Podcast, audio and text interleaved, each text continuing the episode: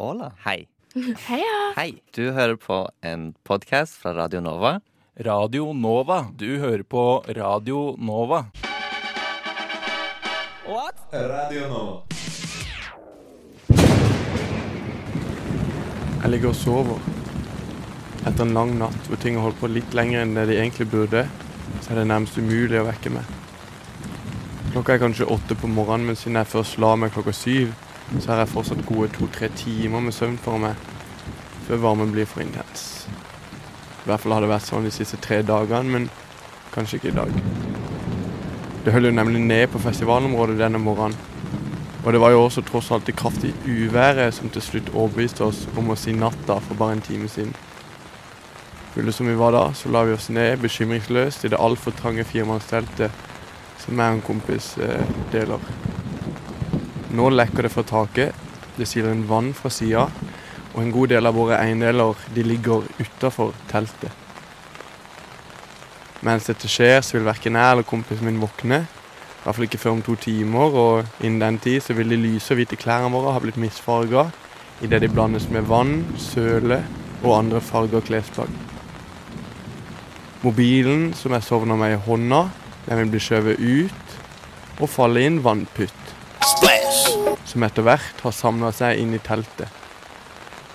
Pytten den vil bare bli større og større, og hadde det ikke vært for at eh, madrassen nærmest var tom for luft, så ville den ha blitt gjort om til en flytemadrass etter hvert som vannet strømma inn. Men det er altså følelsen av en gjennomblødd sovepose som til slutt skal våkne meg og, og gjøre at jeg og kompisen min må face denne fucka situasjonen vi er i nå. Han vil si oppgitt at vi burde ha satt opp teltet skikkelig idet vi kom, mens jeg vil klandre han for å ha vært den som innsatte å pilse allerede før vi hadde kommet til plassen vi skulle telte. Mens vi krangler om hvem som har skyld i hva, så ligger det et spørsmål gnagende bak i hodet mitt. Hvorfor er jeg her?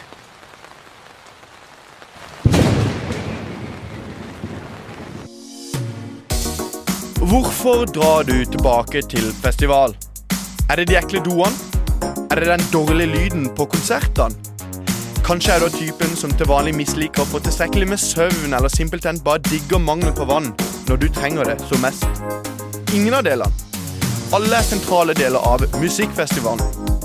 Hvilken kraft er det da som er sterk nok til å stadig få oss tilbake, til tross for at det er så ufattelig mye annet som skulle tilsi det stikk motsatte? Det har jeg lurt på mange ganger, og med denne miniserien så søker jeg etter svar. Hver episode kommer opp med hver sin kraft, hver sin hovedforklaring. I denne episoden så ser vi på festivalen som et brudd, en ferie. Hvordan kan det forklare hvorfor vi stadig drar tilbake til festival? Eh, hvordan kan et brudd med hverdagen være med å forklare hvorfor eh, folk drar på festival? Jeg tror vi kan starte med å tenke hverdagen som en ganske sånn kontinuerlig stressende eh, hva si, kontinuitet for ganske mange mennesker. Da. Aksel Tjora er sosiolog ved NTNU og fungerer som en av de ledende ekspertene på musikkfestivaler her til lands. Professoren han har skrevet et drøss av artikler om livet på festival, og i den forbindelse så har han intervjua hundrevis av festivaldeltakere. Når vi har endt opp med brudd med hverdagen som sånn viktig, et viktig funn, på en måte, så handler nok det om at de deltakerne som er intervjua her, de oppfatter festivalen som, et, som noe veldig annerledes enn hverdagen. Festivalforskeren setter hverdagen opp mot festivallivet for å bedre forstå sistnevntes karakter. Som brudd sa festivalen en rekke attraktive kvaliteter. Og hverdagen for, for veldig mange av deltakerne er jo prega av ja, intens jobbing, studier. For veldig mange av de så er det jo også en hverdag med å ha ansvaret for barn. Kanskje foreldre som trenger hjelp og støtte, og på en måte diverse diverse oppgaver som på en måte går i ett. I tillegg så legger Tjora til at ansvarsområder og forventninger til oss i hverdagen de spriker gjerne på flere områder, og foregår gjerne parallelt. Du skal trene, være aktiv i forening, følge med i sosiale medier, henge med i nyhetsbildet, være god foreldre, ha en hobby, gjøre det bra på jobb, i virkeligheten og på nett. Og med dette som utgangspunkt så blir festivalen et etterlengta brudd for veldig mange. Det er særlig det at man på en måte får lov å legge fra seg eh, det ansvaret man har på en måte, la oss si, utenfor festivalområdet og i den her hverdagen. å si, Eh, åtte til fire på jobb, og ofte for mange, mange ansvar og oppgaver utover det også. Idet jeg avslutningsvis eh, spør festivalforskeren hva som kjennetegner dette bruddet, hva vi liker så godt ved det, så trekker han frem muligheten til å konsentrere oppmerksomheten til noen få ting. Samtidig som man kan være fullt og helt til stede. Eh, så det å få lov å kun konsentrere seg om eh, musikk og kanskje noe mat og drikke, og eventuelt eh, gode venner og bekjente som man mingler litt sammen med, være fullt og helt til stede, det er på, er på en måte muligens en sånn, litt sånn mangelvare, da, i og med at vi har et sånn kanskje litt sånn speeda samfunn som, hvor man skal gjøre og prestere veldig mye samtidig. Så jeg tror det her Eh, det handler jo litt også om å roe litt ned, senke skuldrene litt. Eh, og det opplever veldig mange at skjer på en måte bare å komme inn på festivalområdet. Så har man en sånn eh, en annen modus som er litt roligere, hvor ikke alle ting må skje på en gang. Men jeg sitter likevel med et spørsmål her. Til tross for alle disse fordelene ved festivalen som brudd, gjerne satt opp imot hverdagen, så finnes det jo mange andre og langt mer komfortable måter å slappe av på. Ta Syden, for eksempel. Det er ikke noe støpsel på stranda der.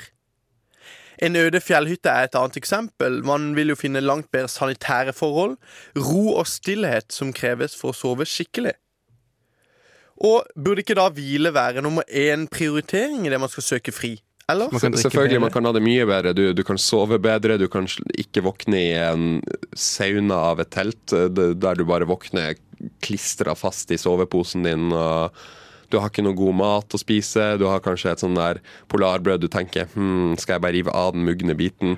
Eh, og en varm skinkeost. Altså, det Sondre Kehus Lind har selv levd festivallivet, og på sitt meste så hadde han en streak på seks år etter hverandre. Hans beste minner de stammer fra HV-festivalen, en festival som er elska av flere, og som hadde et livlig campingliv ved siden av store artister. At du ikke blir matforgifta hvert år du er på en sånn festival, det er jo helt sinnssykt. Um, men det, det, er på en måte ikke de behovene du har når du er der.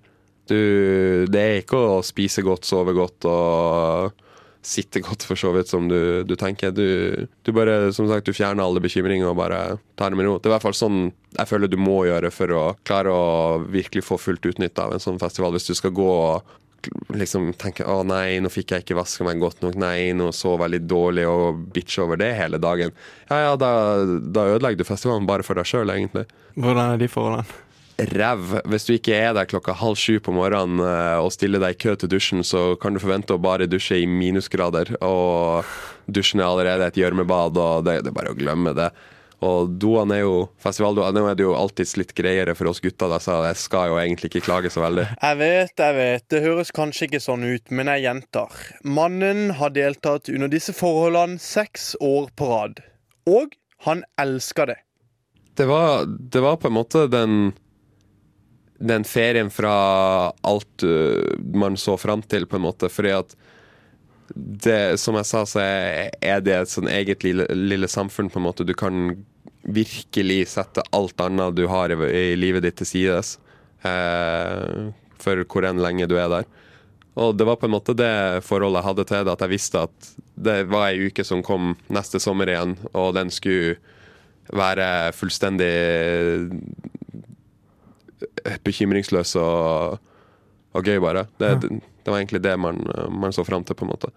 Tror du festivalen skiller seg fra en annen ferie? Definitivt. Hvordan da? I form av at Med en annen ferie så er det sånn Da er det litt mer, mye mer fokus på eh, at man må finne på ting, og Eller at man Altså sånn all, alt som skal skje da, blir på en måte litt mer forced. på en måte. Ja, 'I dag skal vi gå på stranda', eller ja, 'i dag skal vi gå og utforske gamlebyen'. Altså, altså sånn, det er så mye mer oppstilt, på en måte. En festival er mye mer dynamisk i form av altså sånn, Du er der jo for å høre på musikken og ha, ha det fett og feste og Ja, så alt annet som skjer underveis, på en måte, det skjer på en mye mer organisk måte, på en måte. Man gjør det man vil. Ja. ja. Etter hvert som vi snakker, så kommer festivalblues-begrepet opp. En gjenganger i aviser og på nett idet festivalsommeren pågår.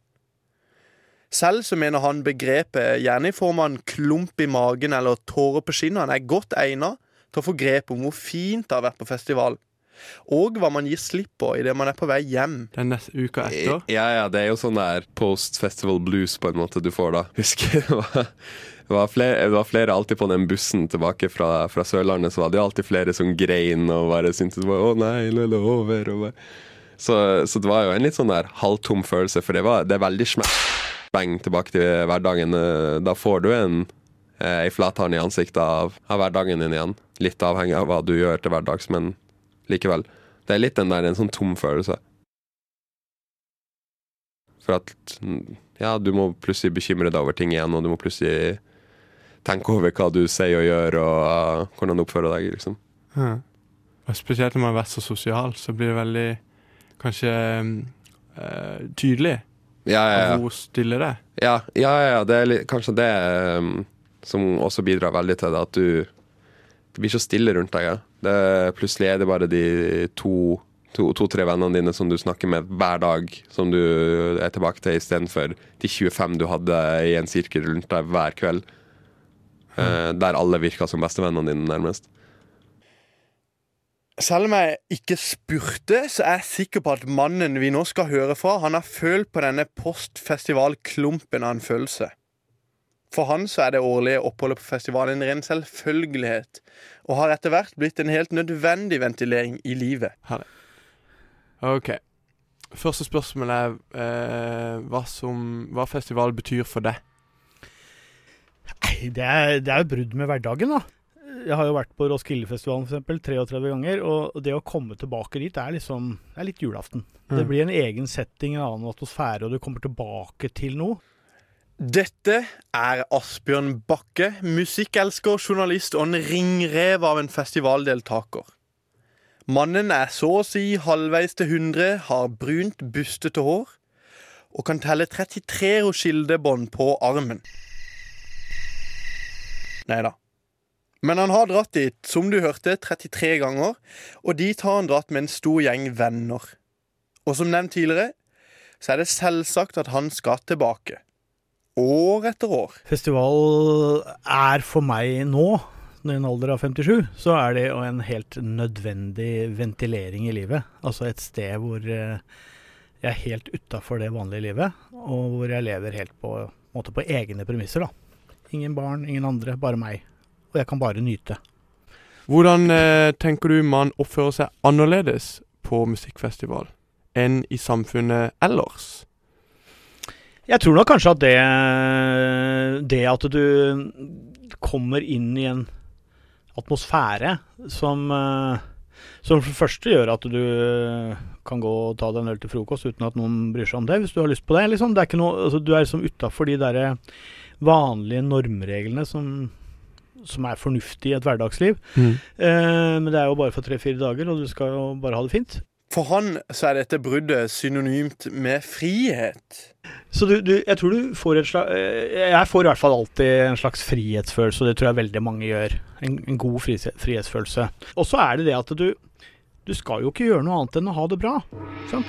Du skal eventuelt gå på de konsertene til riktig tid. Det er liksom det som ligger over deg. Utover det så kan du skravle med venner. Endelig har du god tid til å skravle med venner om alt mulig surrball.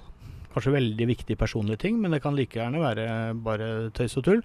Men det er jo en hyggelig sosial setning, og den, det rommet har du veldig sjelden over dager ellers. du har det jo aldri. Du sitter ikke tre-fire dager sammen med venner når, normalt.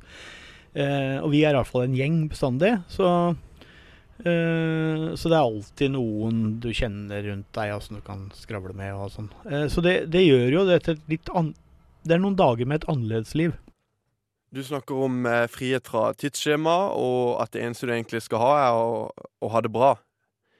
Hvilke andre egenskaper kjennetegner festivalen som et brudd? Nei, jeg, altså første så er det eh, Jeg tror du mye lettere snakker med folk rundt deg, eh, de du Eller det er en sånn litt mer åpen kommunikasjon da enn det ville vært på gata på Karl Johan. Men på uh, Roskilde så er det veldig naturlig å nikke og hilse og skåle og skravle litt, hvis Mm. man tilfeldigvis uh, har to minutter ved siden av noen man ikke kjenner. Mm. Uh, Så det, igjen, det er, en, det er en sånn atmosfære der som gjør at jeg tror folk henter ut den mer sosiale siden av seg, da. Mm.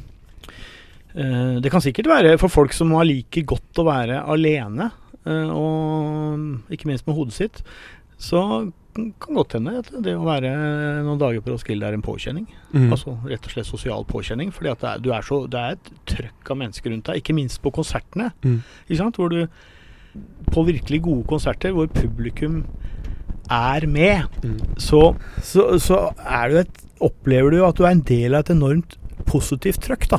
Eh, og det et, kan være et utrolig kick i seg selv. Kan, jeg kan til og med oppleve det på konserter hvor jeg syns det jeg hører At jeg ikke ville, vil ikke gå hjem og høre på det igjen, men det var veldig morsomt å være der. Helt klart. Og kanskje kan vi også si at musikkfestivaler kan være et brudd med musikksmaken vår også. Det vil i så fall føye seg inn i en liste som etter hvert er blitt lang utover denne episoden, hvor vi har forstått festivaldeltakelse med utgangspunkt i det bruddet det representerer fra hverdagen. Tjora, som eh, forsker på festival, han var opptatt av å beskrive det han kaller et speeda samfunn. Prega av jobbavtaler, forventninger og andre ting som holder oss opptatt. På festivalen så kunne man senke skuldrene, ha fri fra en rekke ting og fokusere mot en eneste ting og nyte. Vi møtte Sondre, som beskrev forholdene på festival som ræv. Men likevel så forsvarte han det som et attraktivt brudd og ferie, og noe man savna i hverdagen. Musikkfestivalveteran Asbjørn avslutta episoden hvor han bl.a. var innom og beskrev festivalen som et brudd og en nødvendig ventilering fra hverdagslivet. For han så var det viktig å trekke frem og understreke friheten i dette bruddet.